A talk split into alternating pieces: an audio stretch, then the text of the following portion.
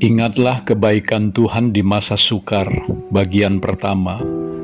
Sekretaris Kementerian Bidang Perekonomian dalam sebuah rapat mengatakan, jumlah PHK di DKI yang dipaparkan Menteri Ketenagakerjaan sampai 20 April 2020 saja sudah hampir 500 ribu orang, atau tepatnya 499.318 pekerja.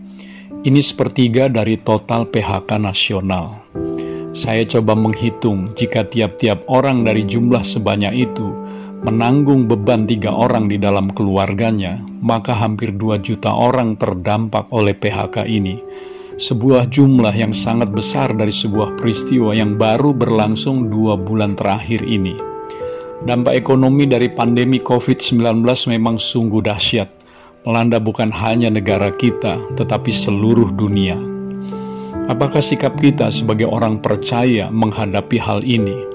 Apakah yang bisa kita kerjakan untuk meringankan beban saudara-saudara kita ini? Sebetulnya, semua orang terdampak oleh pandemi ini, namun ada di antara mereka yang jauh lebih terpukul secara ekonomi. Untuk itu, saya turut prihatin, mendoakan, dan menyampaikan renungan ini. Secara mendasar, saya akan mengajak saudara untuk belajar melihat, bukan hanya dengan mata, tetapi melihat dengan hati, supaya sudut pandang kita benar dalam menghadapi persoalan ini. Yang pertama, belajarlah melihat ke bawah untuk mengingat sesusah-susahnya kita, selalu saja ada orang yang lebih susah. Banyak orang yang sebelum pandemi ini terjadi sudah susah hidupnya dan menjadi semakin susah setelah pandemi ini terjadi. Di antara mereka ada orang tua yang harus berpuasa atau mengurangi jatah makan mereka demi keluarga atau anak-anaknya bisa makan. Mereka benar-benar berjuang untuk sesuap nasi. Yang kedua, belajarlah melihat ke samping atau ke kanan dan ke kiri. Kita tidak sendirian dalam menghadapi hal ini ada sekian juta orang di seluruh Indonesia mengalami nasib yang hampir sama. Jangan melo, seolah-olah kitalah yang paling sengsara atau paling menderita.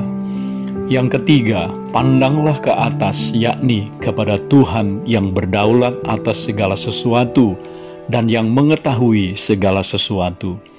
Alkitab mencatat bahwa dia tahu jumlah rambut di kepala kita yang kita tidak pernah tahu atau tidak pernah kita pedulikan.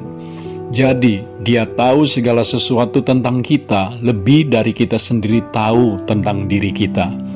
Artinya, apa yang kita alami saat ini adalah atas seizin dan sepengetahuan Dia sendiri. Sebagai orang percaya, kebenaran ini perlu dijadikan pegangan yang kokoh supaya kita tetap dapat beriman kepada Dia. Ketika kita memandang ke atas kepada Dia yang kita percayai sebagai Allah yang baik, maka kita juga akan percaya bahwa ia pasti merancang yang baik untuk kita anak-anaknya dan dia sanggup mengerjakan yang baik melalui apa yang kita anggap tidak baik. Ketika kita memandang kepada dia, maka kita akan memiliki sudut pandang yang berbeda dari dunia ini dalam menghadapi situasi yang sulit ini. Marilah kita baca 1 Korintus 10 ayat 13. Pencobaan-pencobaan yang kamu alami ialah pencobaan-pencobaan biasa yang tidak melebihi kekuatan manusia, sebab Allah setia, dan karena itu Ia tidak akan membiarkan kamu dicobai melampaui kekuatanmu. Pada waktu kamu dicobai, Ia akan memberikan kepadamu jalan keluar, sehingga kamu dapat menanggungnya.